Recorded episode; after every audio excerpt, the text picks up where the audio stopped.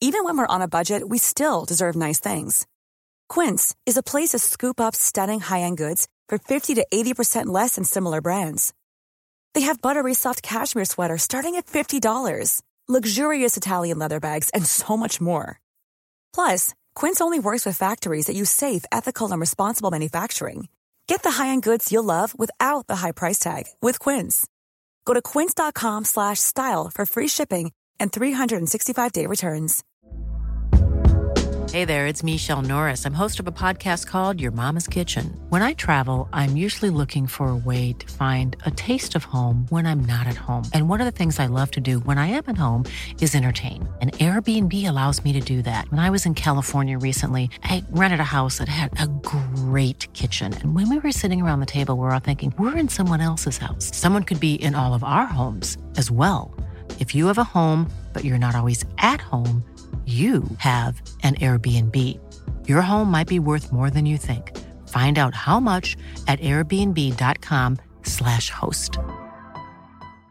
Hey, Dave. Yeah, Randy. Since we founded Bombus, we've always said our socks, underwear, and t shirts are super soft. Any new ideas? Maybe sublimely soft. Or disgustingly cozy? Wait, what? I got it. Bombus. Absurdly comfortable essentials for yourself And for those facing homelessness. because one purchased equals one donated. Wow, did we just write an ad?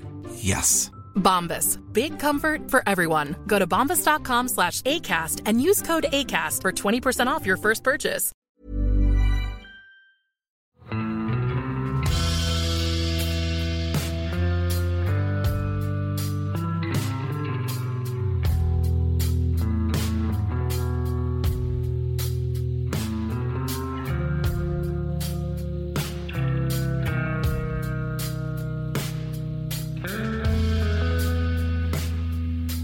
Og velkommen til podkasten Uteliv.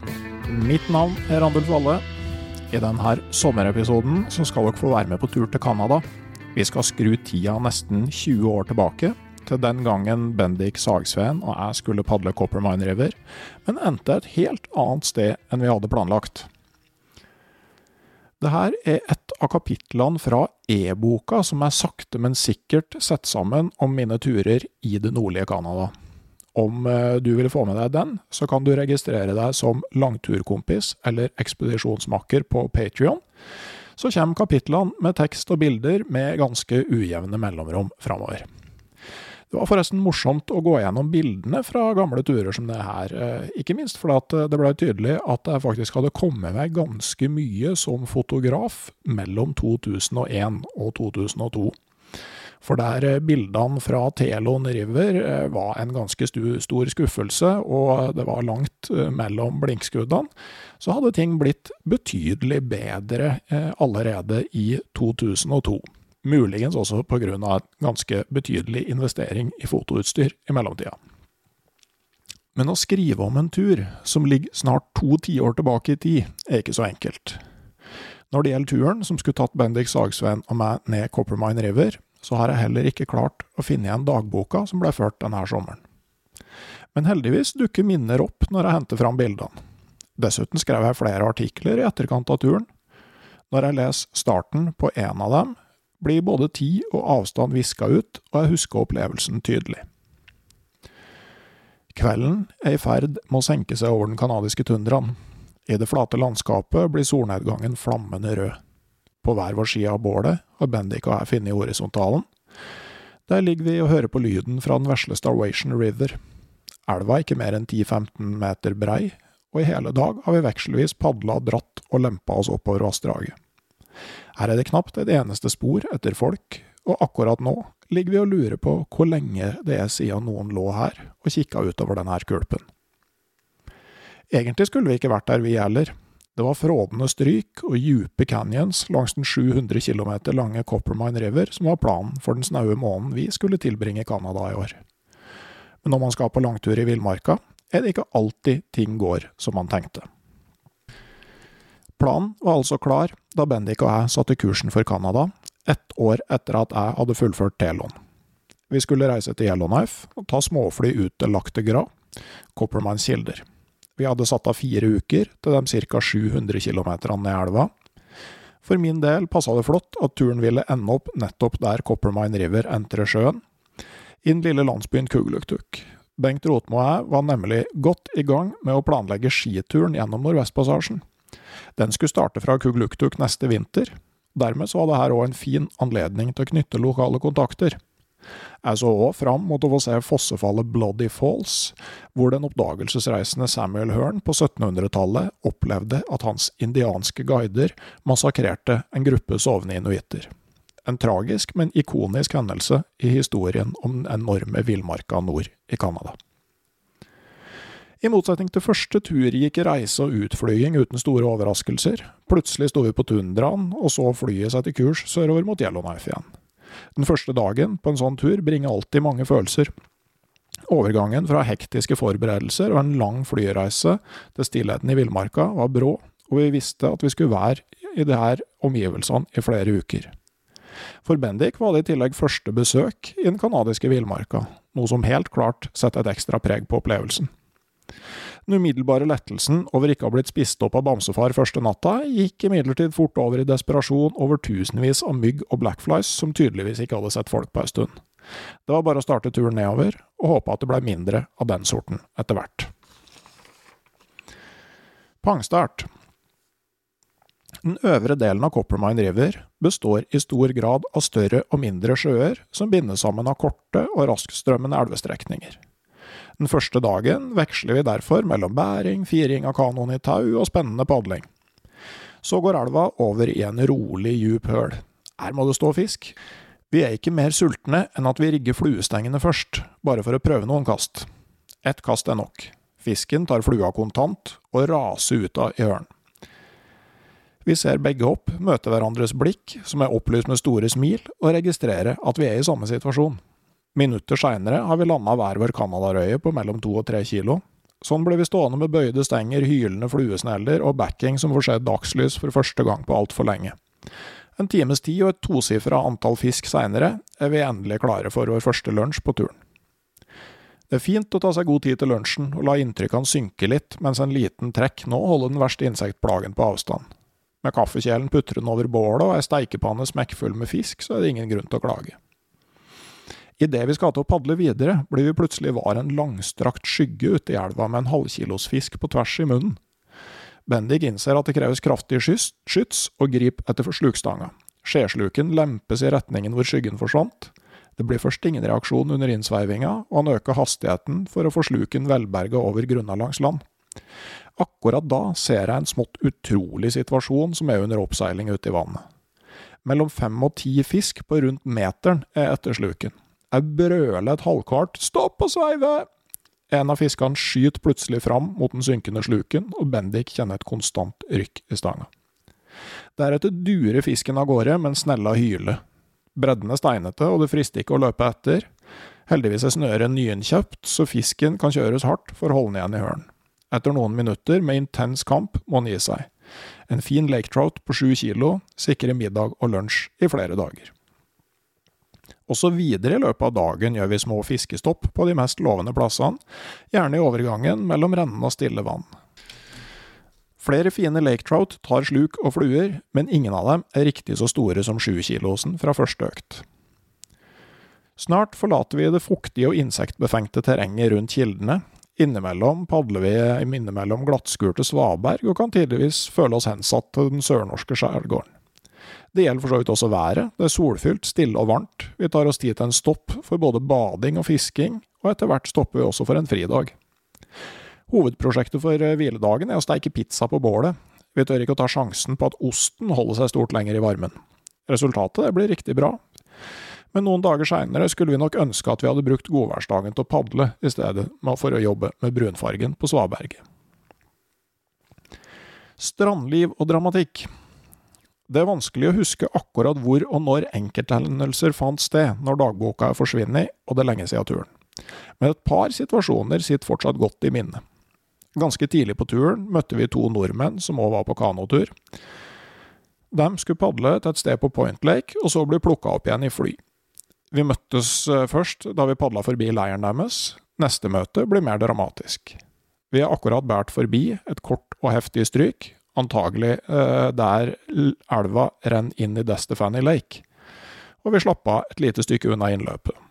Da ser vi at de to guttene er i ferd med å fire kanoen i tau ned det samme stryket. Det virker ganske heftig, så vi følger med gjennom kikkert. Plutselig blir kanoen vippa rundt, og det blir hektisk aktivitet langs bredden. Sjøl om de får berga kanoen, så blir de lenge ved havaristedet. Sannsynligvis har utstyr gått tapt. Vi bestemmer oss for å vente til de kommer for å sjekke at alt er i orden. Snart så kommer de sigende. Telt og soveposer er berga, men en del utstyr, deriblant ei rifle, ligger igjen på bunnen. Satellittelefon de skal bruke for å avtale henting, har de fortsatt. Alt i alt tenker de at det skal gå greit å fortsette, men litt etter at de har starta å padle, skyter de i lufta bak oss og signaliserer at vi skal komme tilbake. De har mista alle slukene og lurer på om vi har litt fiskeutstyr til overs. Etter å ha letta slukboksene, sier vi farvel igjen. Badeliv.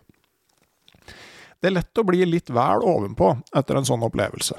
Jeg må innrømme at vi tenkte det var rart de hadde prøvd å fire ned kanoen i et sånt stryk, og at de ikke hadde sørga for at oppakninga var forsvarlig festa i kanoen. Men det skal ikke gå lenge før vi òg får en brutal påminnelse om hvor fort idyllen i villmarka kan forvandles til noe helt annet. Igjen er det vanskelig å huske helt sikkert hvor det skjer, men jeg tror det er i strykene mellom Destefany Lake og Lake Providence.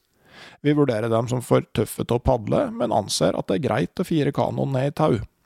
Jeg blir fortsatt irritert på meg sjøl når jeg tenker på det her, for jeg visste allerede da at det ikke er lurt å feste tauet øverst på kanoen når den skal fires ned stryk. Det smarte er å feste tauet lavt på farkosten, gjerne helt ned under kjølen. Når kanoen da havner ute i strømmen, vil den trekkes opp av vannet når strømmen presser mot den, og draget i tauet øker. Jeg fester i stedet tauet oppe ved ripa på Alley-kanoen. Ganske lenge går det greit å låre ned strykene, men når det først uh, går gærent, så skjer det fort, uventa og brutalt. Kanoen kommer ut i hovedstrømmen, som tar tak i skroget. Jeg spenner mot med alt jeg har, men merker at ripa dras ned, og forstår at dersom jeg fortsetter å dra, så vil vannet ta tak oppe på spruttrekket og få farkosten til å kantre. Dermed gir jeg slakk, noe som fører til at kanoen dras lenger ut i hovedstrømmen, og før jeg veit ordet av det, så blir jeg sjøl dratt ut i elva. Jeg forstår heldigvis at jeg må slippe taket, og har flaks nok til at ikke tauet blir hengende fast i meg. Men kanoen med alt utstyret vårt er dermed på vei nedover Coppermine River helt alene, og akkurat det hører knapt til planen vår.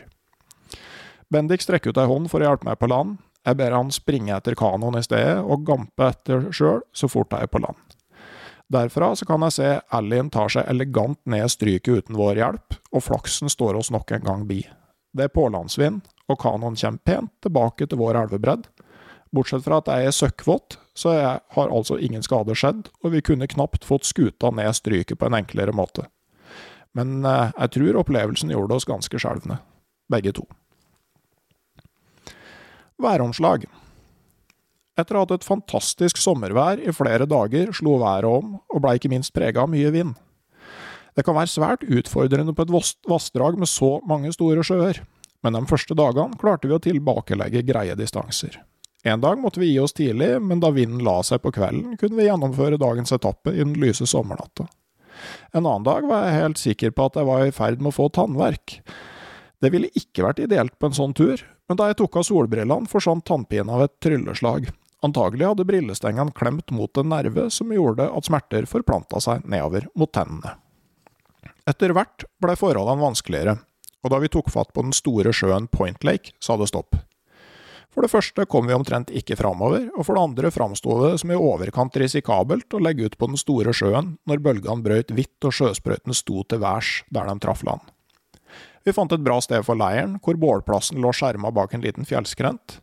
Der fikk vi dagene til å gå med aktiviteter som kaffekoking, lesing og steiking av sjokoladekake. Kaka ble stekt i den største gryta, og trengte bare å få kutta bort et bitte lite lag svidd kakebunn for å bli perfekt. En dag vi satt ved flammene, oppdaga vi tre store ulver som sto og titta på oss bare noen titalls meter unna. Tidsnød. Samtidig så vi med økende bekymring at dagene gikk uten at vi kom nærmere Kugluktuk. Vinden var omtrent konstant. Etter ei snau uke værfast innså vi at tida begynte å bli knapp. Spesielt var tanken på tidspress når vi nådde den røffe nedre delen av elva lite tiltalende. Her går elva inn i en canyon, og flere av strykene så ut til å kreve nøye vurdering.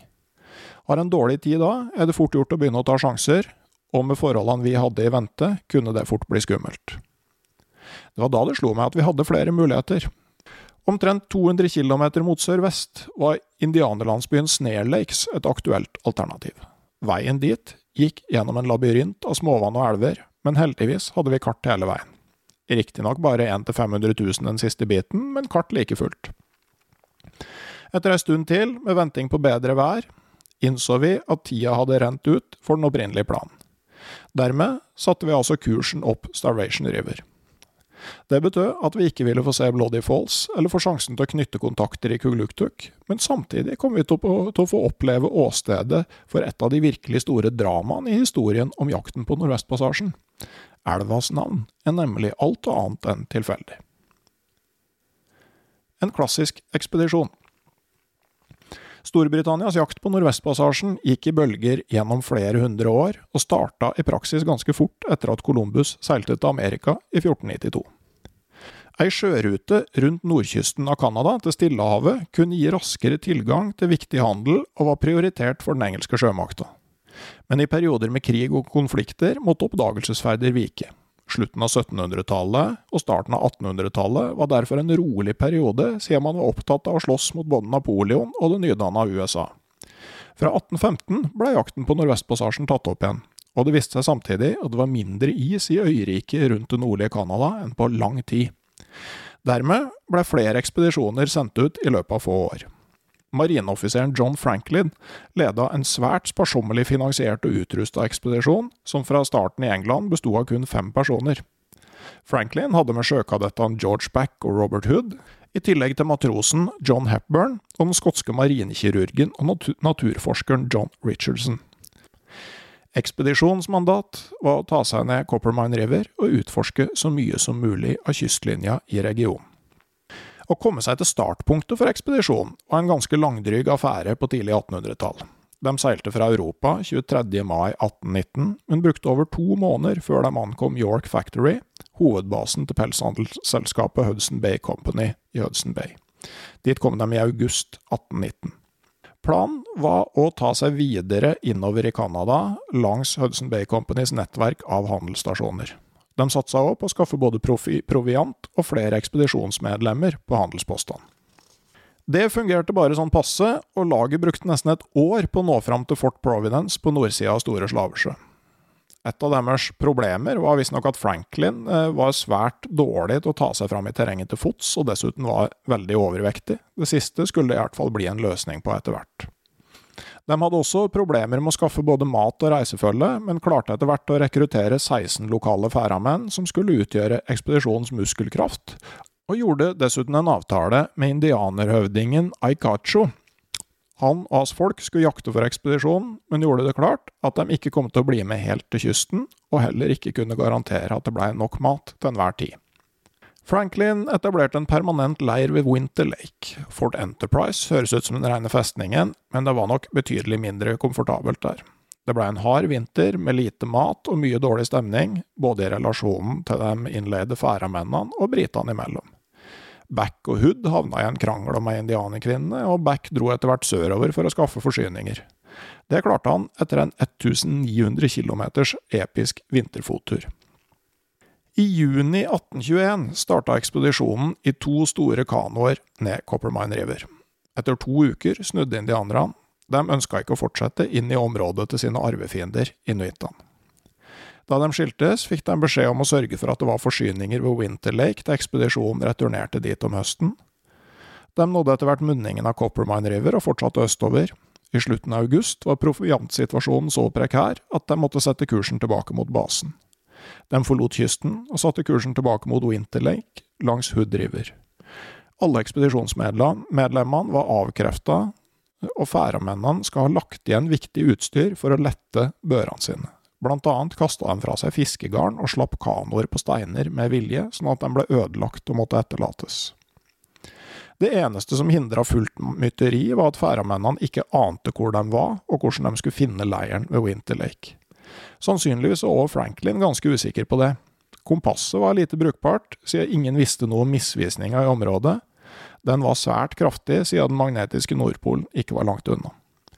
Konstant overskya vær gjorde dessuten navigasjon med sekstant umulig i lange perioder.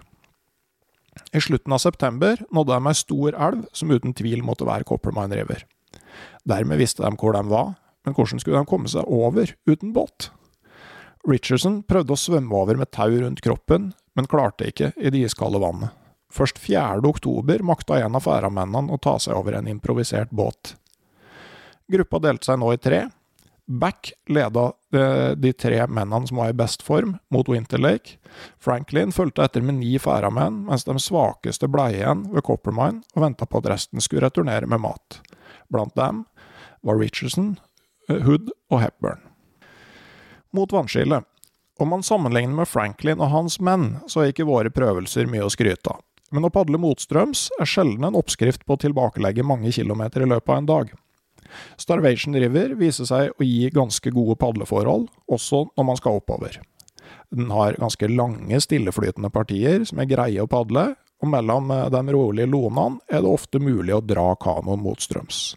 Det går enormt mye raskere enn å måtte tømme kanoen og bære bagasje og farkost forbi. Vi innser raskt at vi kan glemme å holde oss tørre på føttene, og kommer oss forbi mange småstryk ved å dytte og dra kanoen opp. Akkurat idet vi er på vei opp en liten terskel i elva, setter kanoen seg fast i bunnen. Jeg titter ned og ser at skarpt berg stikker opp som dragerygger. Men før jeg rekker å si fra til Bendik, så har han tatt et dugelig drag i tauet for å få kanoen løs. Vi hører en spjærende lyd, og vannet fosser inn i skuta. Det her blir altså endestasjon for dagens etappe. Vi lemper ut oppakninga og snur kanoen for tørking. Ei lang flenge gaper mot oss, men ikke verre enn at vi skal klare å lappe den. Jeg tror det er her vi bestemmer oss for at vi skal unne oss litt av kokekaffen vi har med. De fleste dagene vanker det kun pulverkaffe. Vi fyrer bål, og jeg skal dosere de verdifulle kornene fra den hvite plastflaska med skrukork, hvor vi oppbevarer kaffereservene. Akkurat idet jeg bikker på flaska, innser jeg at jeg har tatt feil. Det her er salt, ikke kaffe, Vel, ingen skade skjedd, vi har nok salt, og her er det god tilgang på brensel. Jeg skyller kjelen, fyller nytt vann og setter svartkjelen over flammene igjen. Snart koker det på nytt, og den gangen her velger jeg riktig flaske.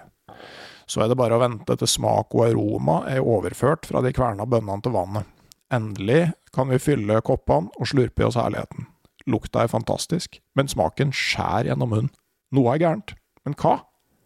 Den harde realiteten slår ned som en bombe. Jeg har ikke skylt ut alt saltet fra kjelen, ikke på langt nær. Den kjelen her er fullstendig udrikkelig. At Bendik bevarer roa er mer enn jeg forstår, men vi ender med å tømme ut saltlaken og koke en ny porsjon. Den gangen her blir alt riktig, og jeg tror det er her vi ender med å sitte og se utover Starvation River og filosofere om at det ikke var her vi skulle vært. Etappen opp Starvation River viser seg å være fasen for de små uhell, og det gikk over med flenga i kanoen og det ulykksalige kaffekoket. Jeg klarer òg å miste kompaktkameraet mitt i elva idet jeg skal ta bilder av at de trekker kameraene motstrøms. En av erfaringene fra turen ned Telon eh, er at et lett tilgjengelig kompaktkamera ville gi flere bilder av de umiddelbare tursituasjonene. Det har vist seg å være riktig, men herifra så må jeg stole på speilreflekskamera. Også der har jeg investert eh, i nytt utstyr siden forrige tur. En tung og solid Nikon F4 med flere objektiver, inkludert telelinse, er med en gangen her. Den blir etter hvert flittig brukt. Vi støter nemlig stadig på Caribou, den canadiske villreinen. Dag for dag blir det stadig tettere mellom møtene, samtidig som flokkene vi treffer, blir større. Sult og mord Franklin og hans menn traff ingen caribou da de passerte her senhøstes. Den eneste maten de fant, var lav og mose. Vi opplever at Starvation River paradoksalt nok er stappfull av harr. Fisken kan eh, knapt beskrives som kroksky, og når vi finner de riktige stedene, er det fort gjort å skaffe middag. Franklin og hans menn eh, kunne ikke vite det, siden fiskegarnene var blitt igjen lenger mot nord. Men med egna fiskeredskap burde de raskt kunne skaffe et måltid eller to på sin vei opp den vesle elva. I stedet så skar de opp reserveskoene sine i strimler, kokte dem og spiste det. I gruppa til Hepburn, Hood og Richardson sto det enda verre til. En av færamennene begynte å vise tegn på galskap. Etter en tur på matsøk så kom han tilbake med en del kjøtt som han hadde funnet. I starten spiste alle det her med glede, men etter hvert begynte en fryktelig mulighet å demre for dem. Kjøttet stamma sannsynligvis fra døde ekspedisjonsmedlemmer. En dag da Richardson og Hepburn var på søk etter mat, hørte de et skudd fra leiren. Da de kom dit, var Hood skutt i bakhodet, og færamannen hadde gevær i hånda. Men siden han var større, sterkere og bevæpna, var det lite de kunne gjøre i første omgang. Tre dager seinere fikk Richardson en mulighet til å lade pistolen sin i hemmelighet, og skjøt færramannen. Morgencaribou. Vår tur er heldigvis langt mindre dramatisk. Vi kan fortsatt padle ganske mye i elva, men eh, må legge inn et par bæringer. En nyvinning fra turen i fjor er at begge har en stor dagstursjekk i tillegg til storsjekken. Den er fin å ha på ryggen samtidig som man bærer kanoen. Da går det veldig greit å få med alt utstyr på to bæringer, og vi har plutselig god tid etter at vi la om ruta. Idet vi er ferdig med etappen opp elva, legger vi inn en fridag på Starvation Lake. Jeg er den første som kryper ut av teltet. Morgenlyset er fantastisk, og jeg ser en reinsflokk nede ved elva. Skal vi ut og fotografere? Bendik grynter noe til svar, og jeg antar at det betyr at han vil sove litt til. Dermed tar jeg med kamera, telelinse og stativ før jeg rusler nedover mot elveslettet. Er skjult bak en esker og kan snike meg opp sånn at jeg får overblikk over elva. En caribou-flokk på noen titalls dyr tråkker nervøst rundt på den andre sida. Vinden står mot meg, så de vet antagelig ikke at jeg er her men de er skeptiske til elvekryssinger. Da de innfødte jagde caribou ved elvekryssinger, var det en regel at man aldri skulle jakte før de hadde kryssa elva. Nå venter jeg på det samme. Til slutt tar ledersimla mot til seg og vader ut i den grunne elva. Så følger resten etter. Jeg knipser tett mens de krysser vannet, men sparer noen bilder på filmen, for kanskje kommer de tett på meg etter kryssinga. Det viser seg å stemme. Noen av dem passerer faktisk rett bak meg, mens andre krysser Eskeren rett foran meg. Etter at flokken har passert, vekker jeg Bendik og forteller hva som har hendt. Vi spiser frokost og går tilbake til observasjonsposten på Eskeren. En hel dag sitter vi med fotoapparatene i elveskråningen og fester de nydelige dyrene til filmen. Stadig nye flokker kommer luntende, og etter hvert som de ble vant til oss, kommer de stadig nærmere under kryssinga av elva. Overraskelse. Dagen går mot kveld. Etter mange timer med kamera skal det smake med middag. På vei opp igjen til teltet stopper Bendik plutselig en sandskråning. Blikket gransker underlaget nøye. Var det ikke bare ett bjørnespor her da vi gikk nedover? Nå er det klart, helt klart ett til der, med retning opp mot leiren vår. Hjertet banker en del fortere enn vanlig da vi bråker oss oppover mot teltet. Her skal vi i hvert fall ikke overraske bamsen. Etter sporene å dømme, så har leiren blitt kontrollert i detalj. Både bålplassen, hvor maten ligger i vanntette pakkposer, og teltet et par hundre meter unna har fått besøk. Det ser imidlertid ut som Bamse har forlatt åstedet. Vi har likevel en mistanke om at den fortsatt er i området. Villreinen er fryktelig urolig, og uten synlig grunn flykter flere flokker i panikk i løpet av kvelden. For vår egen del er det klart at vi òg gjør våre tanker. Risikoen for bjørneangrep er liten, men uansett kryper vi tett inntil bålet og har våpenet innen rekkevidde mens sola går nedover tundraen. En tur i den canadiske villmarka byr helt klart på mer enn bare stor og mye fisk. Vannskille Vinden har holdt seg sterk og på denne delen av turen, og vi er glade for at vi ga opp turen ned Coppermine. Vi bruker noen stille nattetimer til å ta oss over Starvation Lake. Nettene har begynt å mørkne, vi ser en smal månesikt over oss og tendenser til nordlys på himmelen. På vei over fra Starvation Lake til Big Lake passerer vi et vannskille. På østsida forsvinner vannet ned i Coppermine River. På, vest, på vestsida tar det veien ned i Store Slavesjø og nordover langs McKenzie River. Uansett veivalg ender det i hvert fall i Nordvestpassasjen. Turen videre nedover Winter River blir en stor opplevelse. Det er morsomt å padle ned ei elv vi ikke har noe informasjon om utover kartet. Den går gjennom morsomme stryk og passerer flotte små sjøer. Etter hvert når vi fram til Winter Lake, hvor Franklin og hans ekspedisjon bygde Fort Enterprise. For oss betyr det at vi har kontroll, det gjenstår kun en liten elvestump og et langt, smalt vann før vi er fremme i Snare Lakes. For Franklin betydde derimot ikke Winter Lake og Fort Enterprise den redninga de hadde trodd. Der lå det kun en lapp om at Back hadde fortsatt videre sørover, siden det ikke fantes mat der. Indianerne hadde tatt det for gitt at hele følget var død, Franklin og hans menn ble liggende og sulte mens de venta på unnsetninga. Richardson og Hepburn kom eh, til Fort Enterprise seinere og fant et skremmende syn. Kun én av de fire mennene som var der, orka å reise seg opp for å hilse dem velkommen. Gulvplanken i hytta var brukt som brensel, og skinnene som dekka vinduene, var tatt ned og spist. I over ei uke ble de liggende og vente på redning, eller kanskje på døden. Lav og skinn, inkludert mark og andre levende vesener som måtte finnes i det, var eneste mat. Redningen kom til slutt i form av tre indianere, sendt tilbake av Back. De hadde med seg mat og fanga fisk som overlevende kunne styrke seg på. Etter ei ukes tid var de sterke nok til å fortsette, og nådde Fort Providence ved Store Slavesjø 11. desember. Gamle spor. Vi finner en leirplass ved utløpet av Winter Lake. Også her ser vi stadig Caribou rundt leiren. Nå befinner vi oss også sør for tregrensa, så det er langt enklere å skaffe bålved. Men da vi våkner til en ny hviledag med regn og kraftig vind, får vi problemer med å få i gang flammene. Samme hvor godt vi forsøker å skjerme bålet, så blås flammene ut før de får skikkelig tak. Dessuten er det vanskelig å holde veden tørr til vi får tent på. Løsningen blir til slutt å bygge ferdig bålet ned i en plastikkpose inne i teltet. Når bålet er klart, tar vi det med ut og tenner på det nede i posen på bålplassen. Da kan vi regulere trekken med å heve og senke kanten på plastposen, og når flammene blir så store at posen tar fyr, klarer verken vind eller regn å slukke dem. Vi tar òg en tur opp til stedet hvor Fort eh, Enterprise, som Franklin bygde, er markert på kartet.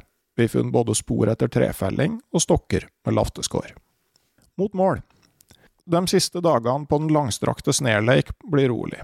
Vi har flere fine leirplasser i granskogen, og en kveld får vi høre et skikkelig ulvehyl. Det høres ut som om ulven er like i nærheten. Etter hvert som vi nærmer oss landsbyen med samme navn som sjøen, blir tegnene etter menneskelig aktivitet flere. Siste leir har vi like utafor bosetningen, så venter bare en serie transportetapper før vi er hjemme igjen. Sir John Franklin ble en stor kjendis da han returnerte til England og ble kjent som mannen som spiste skoene sine. Hans ekspedisjon var på de fleste vis en katastrofe, med elleve døde deltakere og kartlegging av en liten del av kystlinja i nord som resultat. Dette førte til mye kritikk, som vel må kunne sies å ha vært berettiget men kritikken bleikna likevel mot det spektakulære eventyret og den enorme lidelsen deltakerne hadde gjennomgått. Franklin leda en ny ekspedisjon gjennom Arktis Canada i 1825. Den gangen her fulgte de McKenzie River ut til sjøen, og kartla en ny strekning av Nordvestpassasjen. I 1845 var han nok en gang tilbake i nord, den gangen for å lede ekspedisjonen som for første gang skulle klare en gjennomseiling av Nordvestpassasjen. For min del reiste jeg òg den gangen her hjem fra Canada med visshet om at neste tur ikke var langt unna. Det var kun et drøyt halvår til jeg skulle tilbake for selv å forsøke å ta meg gjennom Nordvestpassasjen. Det var rart å gå rundt i et sommerlig Yandalo-knife og nyte et par rolige dager etter avslutta tur og tenke på hvordan det ville være her midtvinters. Vi havna forresten på fest med to ungdommer fra Baker Lake og en eldre hippie. Det ble en både lang og hyggelig kveld. På turen hjem opplevde vi at flyet som skulle ta oss fra Edmonton til Toronto, krasja i gaten på flyplassen og ikke kunne fortsette. Siden vi skulle videre til Europa, fikk vi bli med første mulige alternativ. Der var det kun ledig på business class, og for to fortsatt ganske unge og lovende karer, sånn omtrent rett fra villmarka, så var det greit å strekke seg ut i romslige stoler og nyte servicen. En fin sideeffekt av det her var at bagasjen ikke kom fram til Norge med samme fly som oss, Tolleren var riktignok litt oppgitt over at vi skulle klarere inn våpen som fortsatt lå i London, men det la ingen demper på gleden min over å få bagasjen levert hjem på døra, i stedet for å måtte ta den med på flybussen inn til hybelen i Trondheim. Det her var litt av mine gamle opplevelser fra Canada. Jeg håper at dere òg har en fin sommer. Husk at sommerukene går fort, og bruk tida godt. Podkasten Uteliv er tilbake om to uker. Og i de fire siste sommerepisodene skal vi få møte noen av gjestene fra vårsesongen på nytt. De skal få fortelle om hvert sitt sommerminne, så får vi se hvor det bærer. Men inntil da så får dere ha det riktig bra, og kom dere ut på tur.